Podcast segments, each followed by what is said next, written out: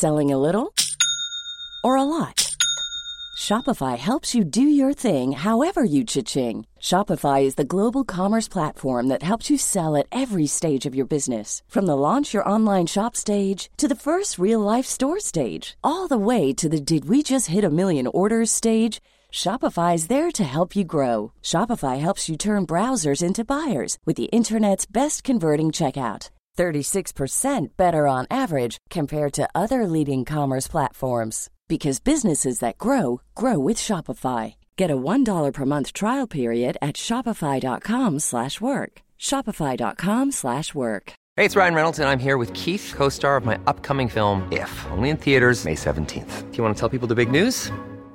All right, I'll do it. Sign up now and you'll get unlimited for $15 a month in six months of Paramount Plus Essential Plan on us. Mintmobile.com slash switch. Upfront payment of $45 equivalent to $15 per month. Unlimited over 40 gigabytes per month. Face lower speeds. Videos at 480p. Active Mint customers by 531.24 get six months of Paramount Plus Essential Plan. Auto renews after six months. Offer ends May 31st, 2024. Separate Paramount Plus registration required. Terms and conditions apply if rated PG. Hey, I'm Ryan Reynolds. Recently, I asked Mint Mobile's legal team if big wireless companies are allowed to raise prices due to inflation. They said yes. And then when I asked if raising prices technically violates those onerous two-year contracts, they said, "What the f*** are you talking about? You insane Hollywood ass."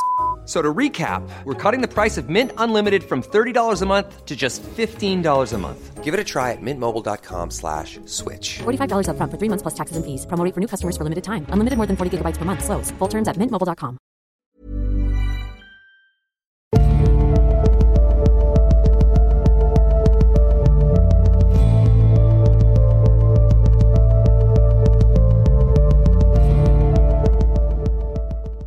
Hei og velkommen til Tåkeprat. Jeg heter Even, og når jeg tar opp denne episode 84, så er det lørdag den 24. november 2018.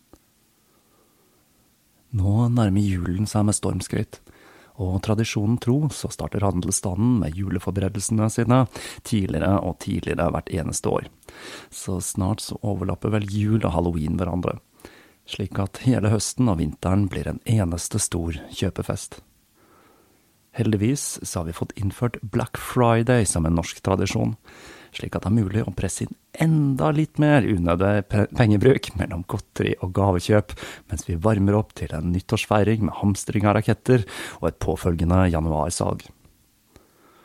Black Friday har for øvrig ført til et titalls dødsfall og mer enn 100 hardt skadde i løpet av sin levetid i tradisjonens opprinnelsesland, USA, så her har vi mye flott å se fram til. Og etter Black Friday så følger jo Cyber Monday. Her vil jeg komme med et råd til handelsstanden. Hva med å innføre thanksgiving i Norge, og i tillegg gjeninnføre den klassiske julebukken, for det kan aldri bli for mye, kan det vel? Ikke det at jeg misliker julen, altså, det er faktisk en av mine favoritthøytider. Vi trenger en lysfest i den mørkeste årstiden, kanskje siden vi bor så langt på nord. Men det føles mer og mer som en feiring av markedskreftene for hvert år som går. For julen, det er tross alt tiden da vi feirer bursdagen til julenissen, eller noe sånt. Men nå skal jeg ikke rote meg helt bort her. Nå skal vi tilbake til historien om Gerald Gardner. Som jeg avsluttet forrige episode med å si, så tar denne historien en ny vending i denne delen. Gerald hadde altså blitt innviet i hva han trodde var den dianiske kulten.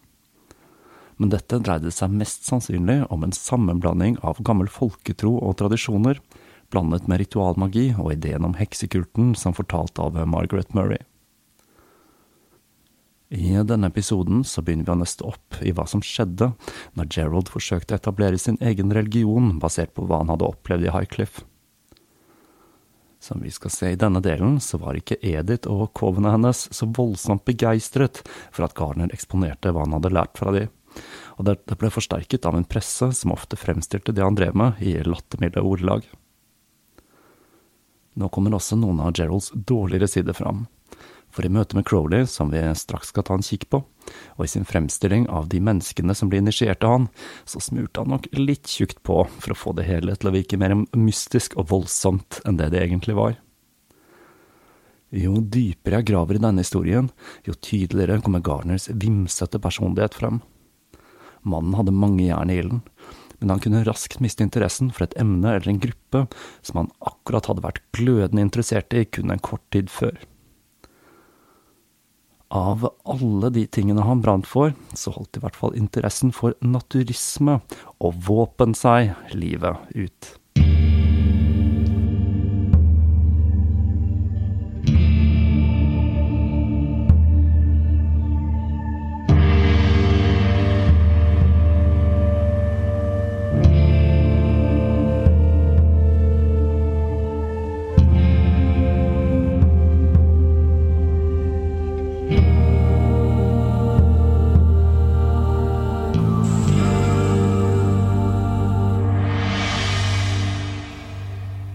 Gerald Garner møtte Alistair Crowley i den aller siste fasen av livet hans, da Crowley hadde bosatt seg i Netherwood, dette pensjonatet vi husker fra Prometheus-serien, som kunne skilte med en rekke prominente gjester og meget spesielle husregler.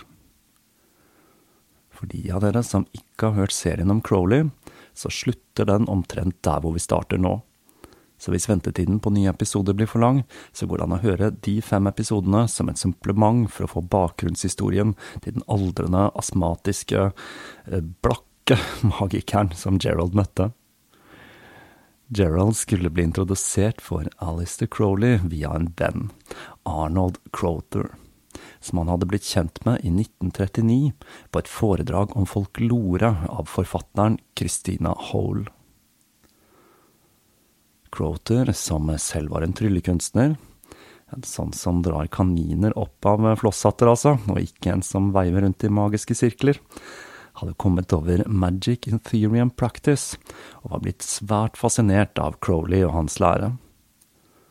Og da en kvinne som var tilskuer ved en av forestillingene hans i 1947, fortalte at hun kjente Alistair Crowley, og hadde adressen hans, så bestemte Crowther seg for å ta kontakt. Crowley skrev tilbake og sa at han veldig gjerne ville ha besøk. Og da Gerald fikk nyss om dette, så spurte han om ikke han også kunne være med. Crowther tok igjen kontakt med Crowley, som svarte ta ham med. Dette møtet er enda et av disse øyeblikkene i livet til Gerald Garner det hersker litt tvil om hva som egentlig skjedde. For eh, Gerald skulle inkorporere en god del av Crowleys riter i sine egen ritualmagiske praksis noen ganger ordrett fra Crowleys verker. Her må vi også huske på at den Alistair Crowley Gerald møtte, var en aldrende og syk utgave av det store udyret, som brukte heroin, som riktignok var foreskrevet av lege, for å kontrollere astmaen sin. Når jeg ser på hva som har blitt gjenfortalt om dette møtet, og her verserer det litt ulike versjoner, avhengig av hvem man sympatiserer med, så ser det ut til at begge to smørte litt ekstra tjukt på for å imponere hverandre. Crowley han skulle nemlig visstnok ha fortalt Gerald at han kjente til heksekulten fra før, men at han ikke likte at dette var en kvinnedominert tradisjon, at han vemmes ved tanken på å bøye seg for en ypperste prestinne. Her må jeg forsvare Crowley og si at dette ikke passer helt inn i det bildet jeg har dannet meg av mannen. Riktignok så var han veldig egosentrert, noe som gikk hardt utover hans nærmeste, men med tanke på at han var i et slags sadomasochistisk forhold med Lia Hirsig, hvor han var den underdanige, og ikke for å snakke om hans søken etter Skarlagenskvinnen, så kan jeg ikke helt se at det å ha en ypperste prestinne som overhode ville være noe som bød Crowley imot. Mest sannsynlig så var dette noe Crowley fortalte Garner for å gi et inntrykk av at han kjente til kulten, rett og slett for ikke å miste ansikt. I tillegg så forteller Garner at Crowley sa at han hadde vært tilknyttet kulten i svært ung alder, noe som har fått enkelte til å spekulere i om det var Crowley som hadde plagiert ritene til kulten, og ikke Gerald som hadde kopiert Alistair Crowley. Men denne versjonen virker lite sannsynlig for meg. Crowleys liv er såpass godt dokumentert at det er lite rom for en hemmelig periode i heksekulten. Selv om man aldri skal si aldri, da. Gerald på sin side smurte også ganske tjukt på. For det første så presenterte han seg som doktor Gardner, og han hadde jo en svært tvilsom doktorgrad. Han presenterte seg også som Royal Arch, som er en grad i frimureriet som han ikke hadde. De to herrene kom strålende overens, og Gerald skulle besøke Crowley tre ganger til i løpet av den neste måneden. Det at Gerald hadde oppgitt at han hadde en grad i frimureriet han ikke hadde, skulle være av betydning. Som vi husker fra serien om Crowley, så delte han rundhåndet ut grader i OTO i denne perioden, for å sørge for at arbeidet hans og ordenen skulle overleve i England. Derfor så ble Gerald innviet i den fjerde graden av OTO, da Crowley følte at denne samsvarte med den angivelige graden Gerald hadde i frimureriet og Crowley ga hans hans magiske navn, Sire, som kommer fra latin, og hvite. Crowley ga også Gerald en skriftlig tillatelse som kunne initiere folk i Menerval-graden i OTO. Dette er en grad som ble eh, gitt assosierte av organisasjonen som en slags symbolsk vennskapsgrad. Det er noe fishy med denne tillatelsen, fordi håndskriften den er nemlig Geralds og den inneholder Geralds klassiske skrivefeil. Kun underskriften er Crowleys. Mest sannsynlig så skyldtes dette at Crowley klusset med denne tillatelsen på et stykke papir, og at Gerald ikke syntes dette så offisielt nok ut. At han lagde en versjon han følte bar mer tyngde enn Crowleys originale skriblerier, og at han senere fikk mesteren selv til å underskrive dokumentet. Gerald tente nok et håp hos Crowley om revitalisering av det britiske OTO. Og Gerald ble svært entusiastisk av tanken på å bli det nye overhodet til organisasjonen i Storbritannia.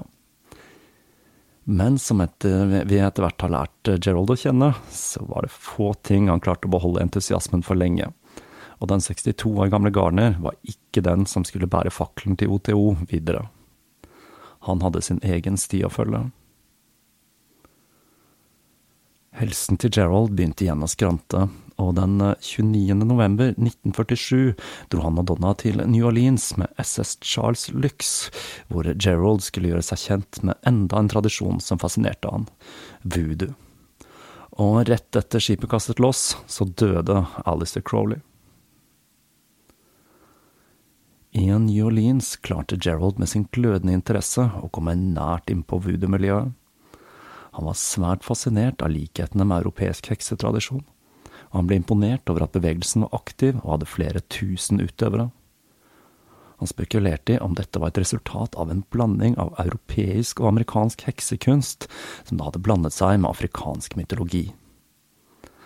Som vi husker fra den vesteuropeiske heksekulten, så mente Margaret Murray at kulten hadde utvandret til Amerika, og at resultatet av dette er det vi så i hekseprosessene i Salem. Med dødsfallet til Crowley så begynte Gardner å betrakte seg selv som overhodet til OTO i Europa. Og det var flere som faktisk var av den oppfatningen, blant annet Frida Harris, damen som sto bak Crowleys fantastiske Tott Tarot.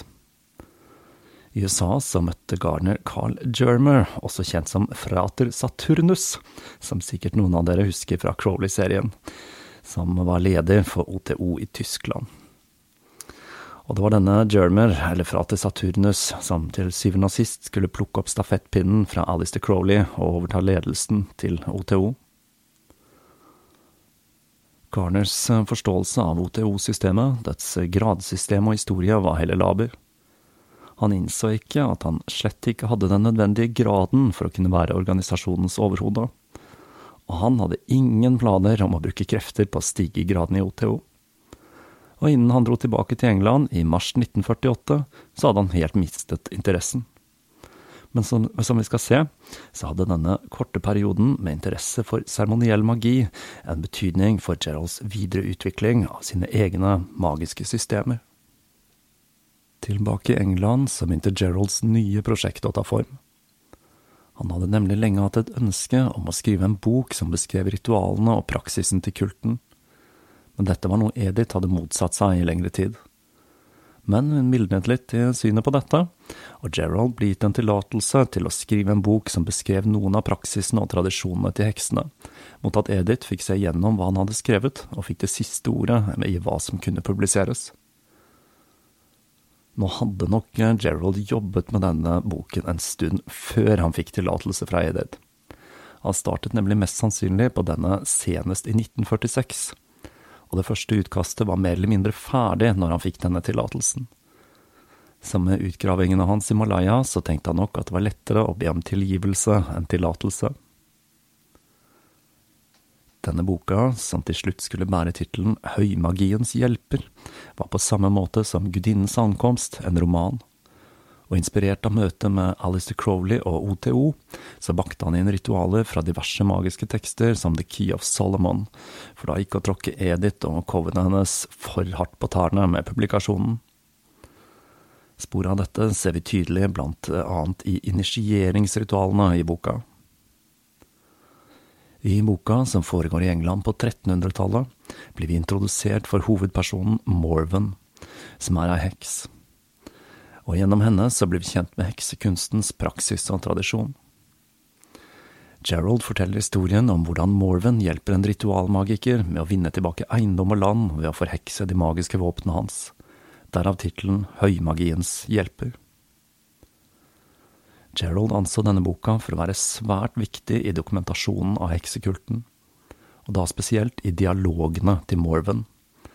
For eh, til tross for Geralds løfte til Edith om å ikke komme med detaljerte beskrivelser av praksisene til kulten i boka, så finner vi mange eksempler på magi og ritualer som skiller seg ut fra de som åpenbart er lånt fra ordinær seremoniell magi, slik som klarsyn, spiritisme og psykologiske teknikker. Noe som får meg til å tenke på Discworld og Terry Pratchetts Word Sisters.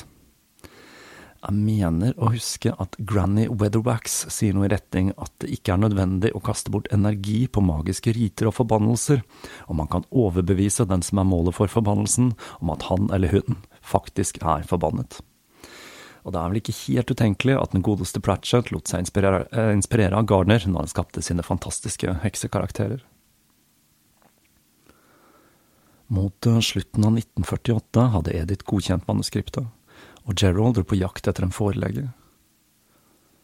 Ingen av de store forlagene var interessert, og valget falt på okkultisten og innehaveren av bokhandelen Atlantis i London, som ble etablert av Houghton, en flyktning fra Øst-Europa som drev den fram til han døde i 1961.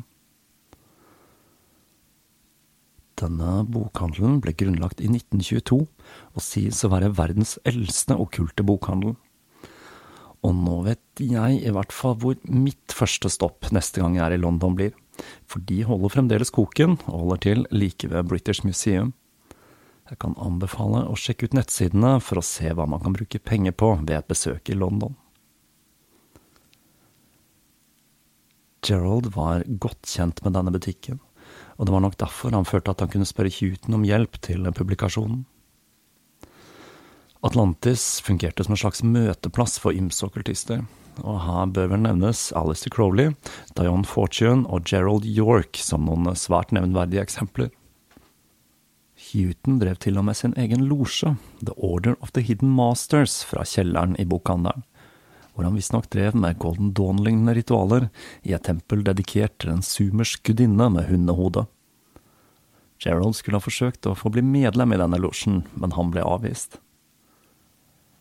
I tillegg så ga Atlantis ut et magasin, The Occult Observer, som til tross for kun å gi ut seks eksemplarer i perioden mellom 1949 og 50, var et ekstremt innflytelsesrikt magasin som fokuserte på det intellektuelle og ikke det sensasjonelle. Og dette var med på å fyre opp en okkult renessanse i England, og ikke minst øke interessen for hekser. Atlantis publiserte også bøker men ikke så mange, og siden Høymagiens hjelper med sine mer enn 350 sider vil være en kostbar affære å publisere, så kan vi gå ut ifra at Gerald tok brorparten av kostnadene med produksjonen fra egen lomme. Igjen så var Geralds litt underlige språk en utfordring, han fikk hjelp av en venn av Houghton, journalist og forfatter Dolores North som hjalp til med å sette sammen boka av hva som blir beskrevet som en haug av notater og skriblerier for å gjøre det hele til en lesbar bok. Her er det kanskje på sin plass å si at også Alistair Crowley hadde sett på manuskriptet, og han hadde gitt Gerald rådet om å kutte ut en tredjedel av teksten, noe som antyder at eh, Gerald led av Stephen King-syndromet, og hadde problemer med å kutte vekk unødig tekst for å gjøre historien til en passende lengde. Gerald fikk altså betydelig mengde med hjelp til begge romanene, og vi kan gå ut ifra at det dreide seg om langt mer enn kun rettskriving, slik som han selv ga uttrykk for. Her hører det med til historien at Dolores senere skulle bli en arg motstander av Gerald Gardner, og beskrev han som en bedrager og som rituelt udugelig. Og selv om det er langt fra sikkert at dette stemmer, så fortalte en av hennes tidligere studenter, Mike Howard, redaktør i The Goldrun, at hun hadde fått nok etter et ritual der hun hadde blitt bundet fast naken og kilt med en fjærkost. Noe som høres ut som en litt annen type ritual enn et magisk et, men, men. Når boka endelig ble publisert i en påkostet utgave i juli 1949, så ble den ingen umiddelbar suksess. At boka var dokumentasjon på praksisen og tradisjonene til heksekulten, og ikke en ren fiksjonsbok, var ikke noe allmennheten var klar over. Men det hele var slett ikke forgjeves, for noen fant Geralds historie fascinerende.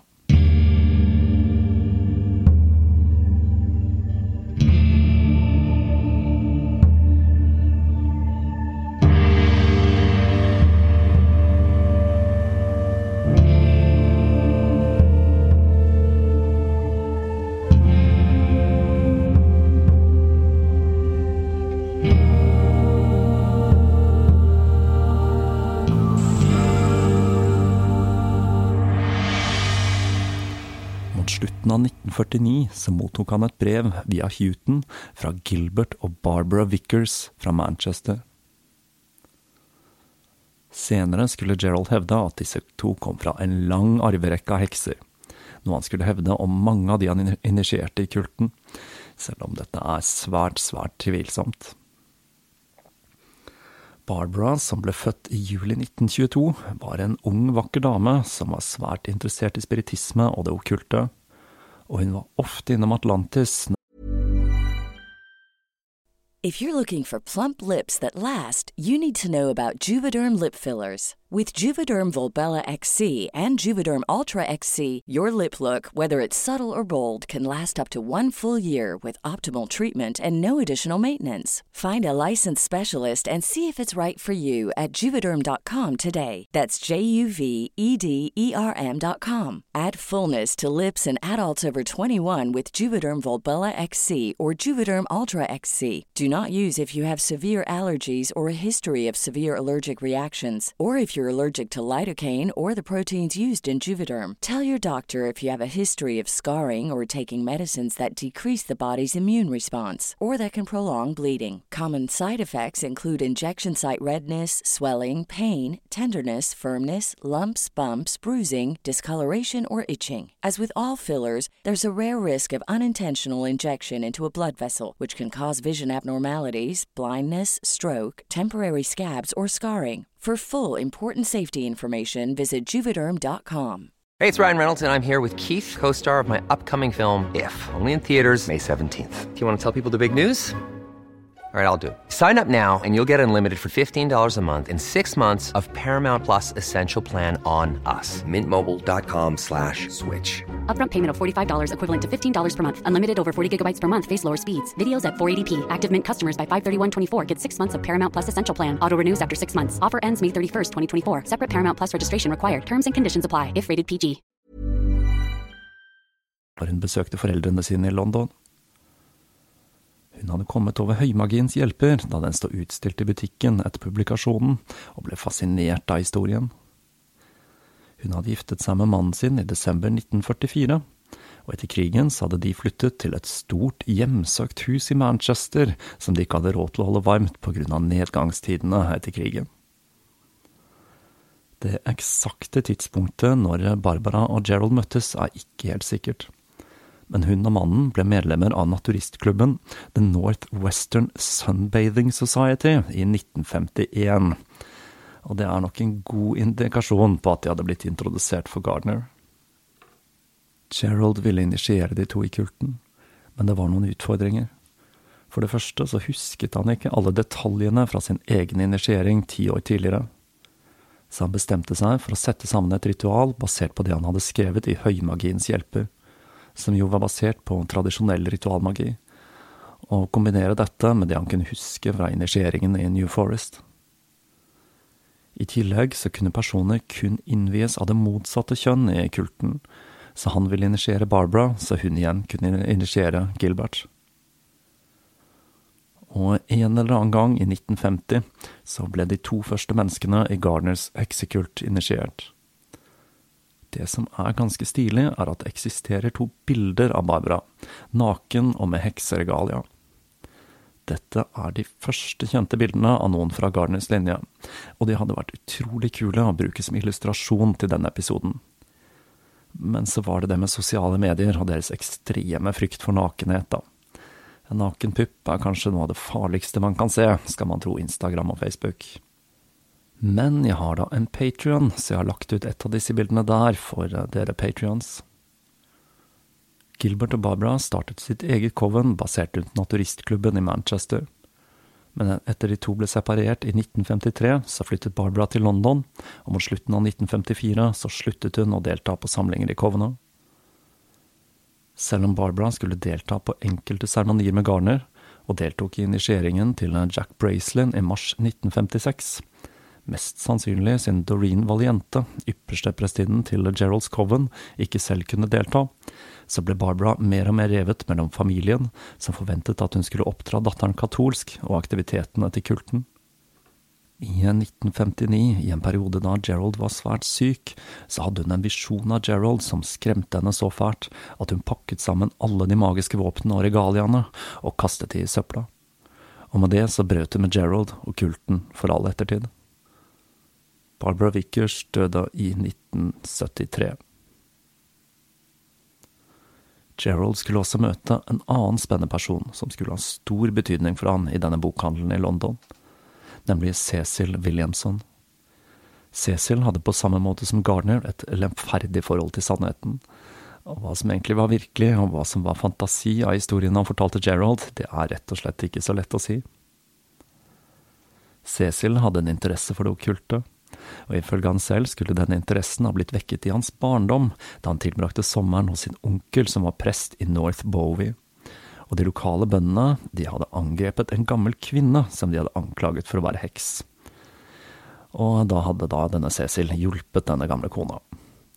Denne kona skulle senere lære han om folketradisjoner og heksekunst, for det skulle vise seg at hun selv hevdet å være nettopp en heks.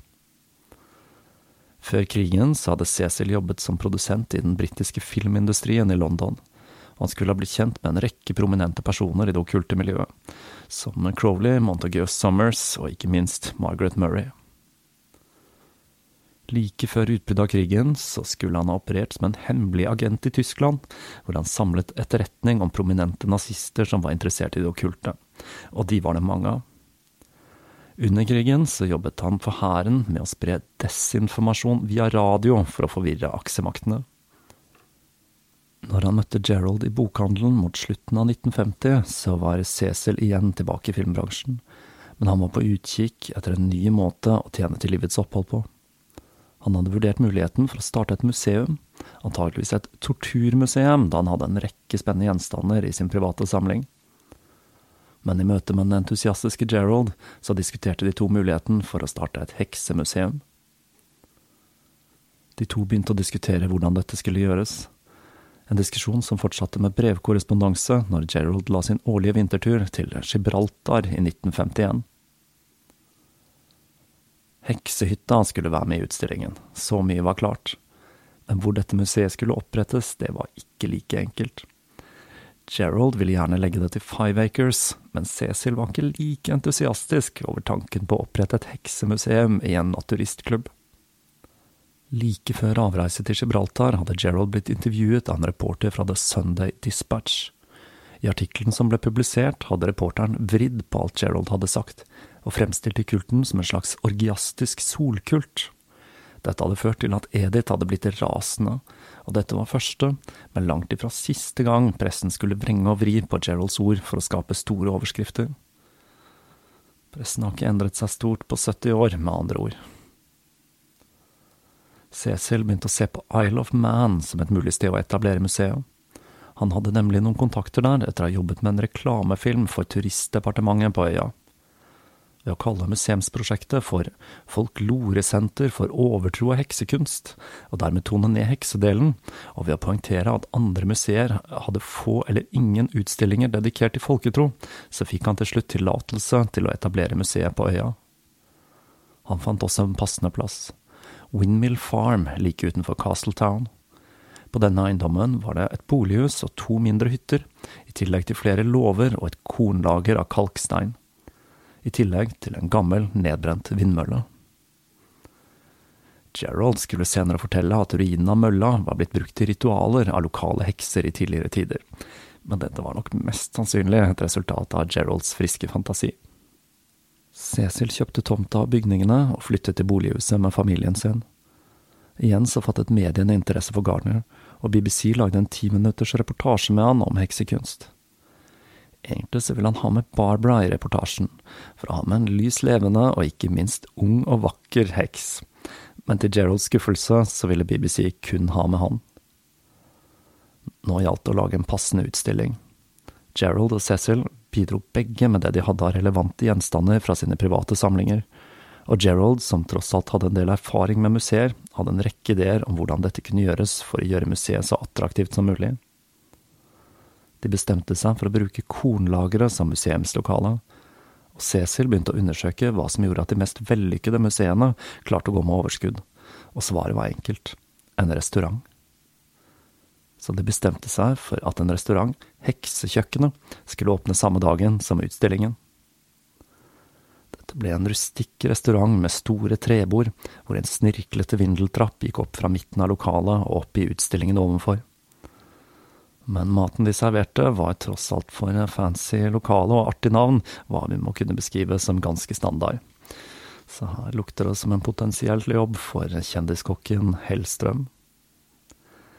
Hjertet i selve utstillingen var en magisk sirkel og det fikk hjelp av kona til Kenneth Grant, Steffi, til å konstruere denne og lage et utskåret alter. Resten av utstillingen besto av gjenstander fra Gerald og Cecils private samling. Cecil bidro blant annet med en utstrakt samling av talismaner fra ulike deler av verden. Gerald forsøkte å få lånt noen gjenstander av kovene til Edith, men noen sleivete bemerkninger til enda en reporter fra Cecil gjorde at Gerald var nødt til å reise til New Forest for å roe ned gemyttene til heksene.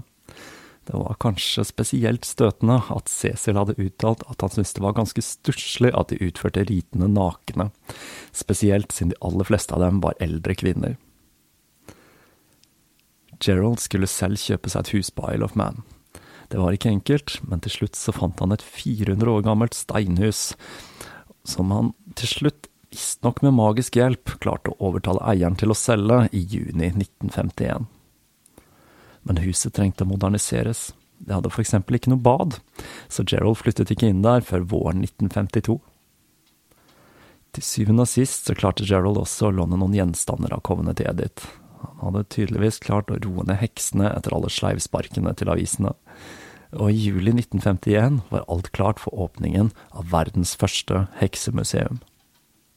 Dette var en utrolig passende tid å åpne et slikt museum, for det var faktisk bare én måned tidligere de siste hekseforskriftene i Storbritannia hadde blitt annullert, og nå var det ikke lenger ulovlig å være heks eller praktisere heksekunst.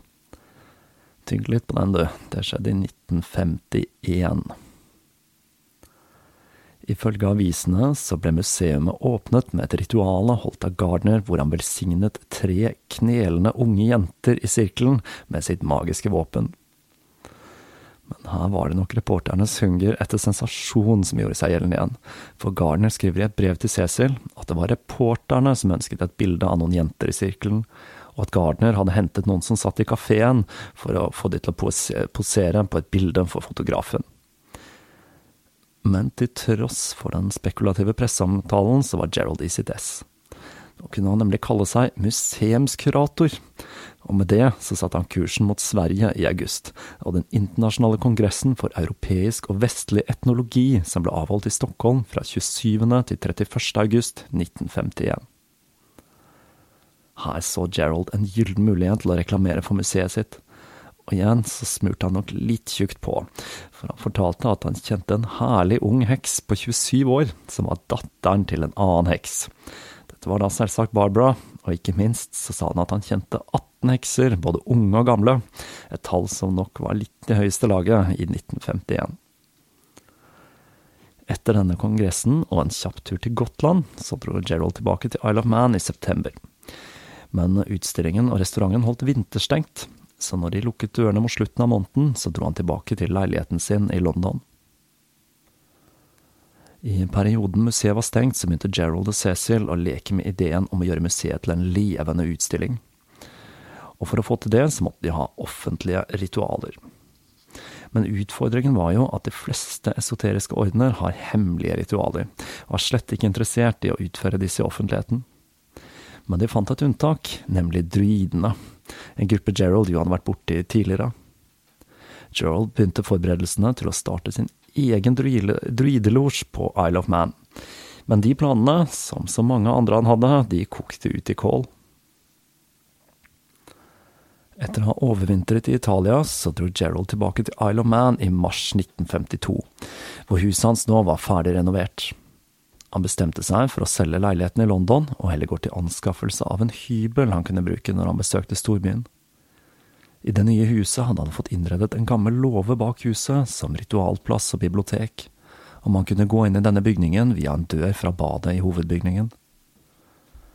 Museet gikk med underskudd, og for å hjelpe til økonomisk så kjøpte Gerald noen av bygningene på tomta, og Cæsar kunne leie disse bygningene mot å nedbetale kjøpsummen med en rente på 4% eller 5% dersom lånet ikke ble betalt til fastsatt tid.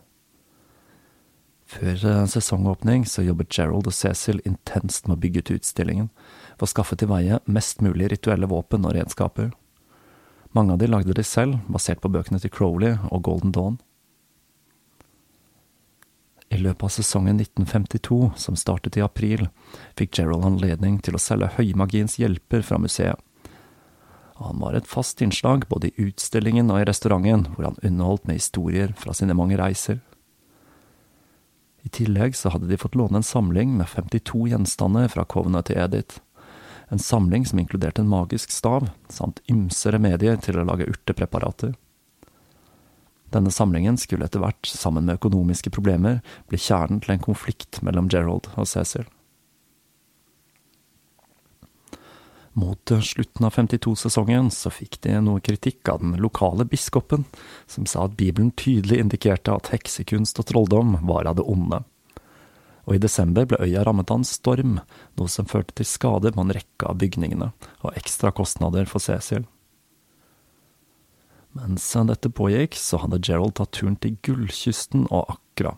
byen han og Kom måtte flykte av Koms utagerende festing 60 år tidligere.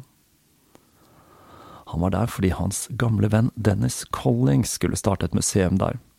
Gerald så på dette som et fint reisemål for sin årlige overvintring, og ikke minst som en gyllen mulighet til å skaffe seg noen afrikanske magiske gjenstander til museet. Gerald fikk med seg mange gjenstander fra Vest-Afrika. Noen som høres spennende ut, som kniver og trommer, og noe som høres ut som skrot, som paraplyer. Her kan det tenkes at enkelte så sitt snitt til å kvitte seg med gammelt skrot når det kom en vestlig og tilbød penger for magiske gjenstander. 1953 var året da ting skar seg. Cecil hadde flyttet på gjenstandene til Covenant til Edith, og Gerald hadde gjort det klart at disse skulle stilles ut samlet. Dette førte til at Edith krevde å få sendt tilbake, og gjenstandene ble sendt tilbake til henne i juli det året, som var midt i høysesongen. Ettersom driften fremdeles ikke var lønnsom, så slet Cecil med å betale ned lånet til Gerald. I tillegg til å purre på lånet, så krevde Garner penger for blant annet gjenstandene fra Afrika.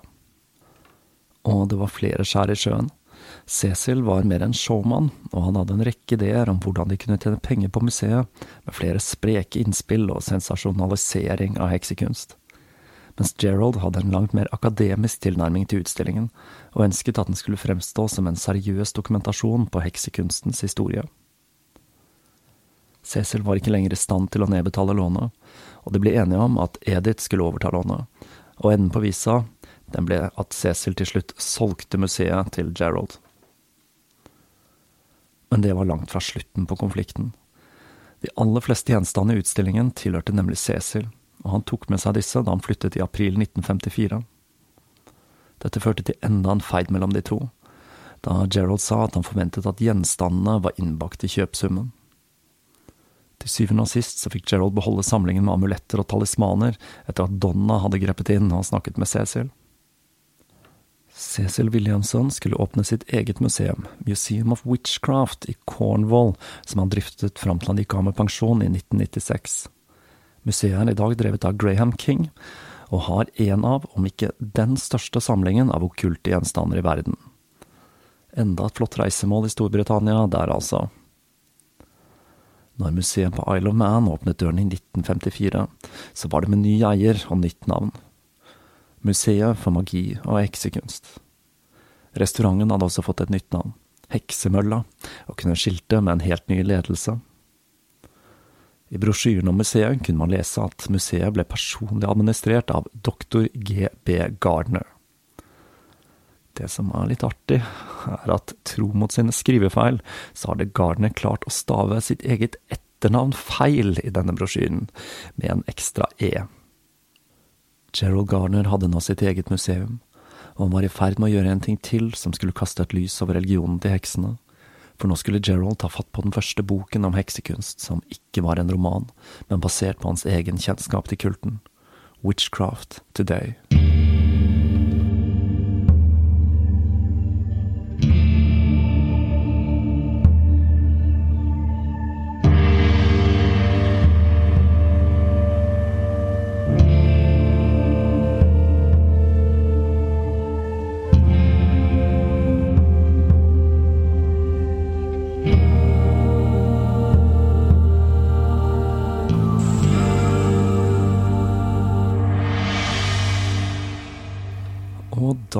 Vi Gerald Garner i hans museum for heksekunst og trolldom. Det ligger an til å bli to deler til i denne serien, når jeg nøster opp de siste ti årene av livet til Gerald og hans forsøk på å bevare tradisjonen til heksene. Det er viktig å huske på at han var en gammel og syk mann i denne delen av livet, men like fullt så klarte han å utrette en hel del. Ikke minst så var han ofte på reisefot. Kanskje det faktisk var noe i denne naturismen som gjorde at han hadde så mye overskudd og krefter, eller kanskje det var hans nysgjerrighet og oppdagertrang som gjorde at han holdt det gående. Som jeg sa innledningsvis, så blir personligheten til Gardner mer og mer tydelig for meg jo lenger inn i denne serien jeg kommer. Han var en komplisert og sammensatt person med et bredt spekter av interesser, men det var få ting som holdt interessen hans lenge. Samtidig så har jeg dannet meg et bilde av en person som er svært entusiastisk. Så entusiastisk at det virker som om han lot sannheten spille andre fiolin når han hadde en skikkelig god historie på lur. Dette får meg til å tenke på Dennis McKenna sin strofe om sin meget velartikulerte bror Terence. He never let the truth get in the way of a good story.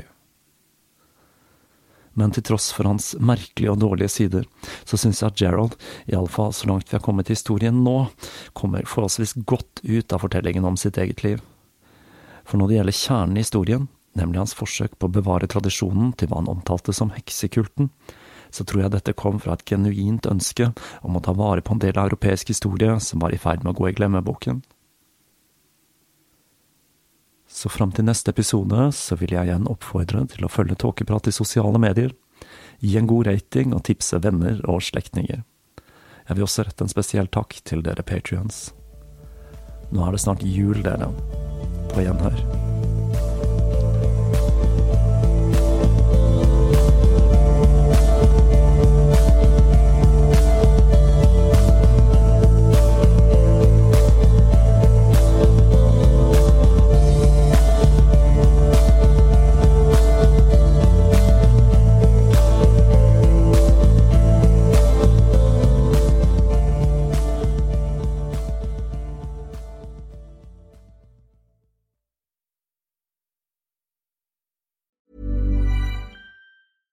Selling a little or a lot? Shopify helps you do your thing however you cha-ching. Shopify is the global commerce platform that helps you sell at every stage of your business. From the launch your online shop stage to the first real life store stage, all the way to the did we just hit a million orders stage. Shopify is there to help you grow. Shopify helps you turn browsers into buyers with the internet's best converting checkout. 36% better on average compared to other leading commerce platforms because businesses that grow grow with Shopify. Get a $1 per month trial period at shopify.com/work. shopify.com/work.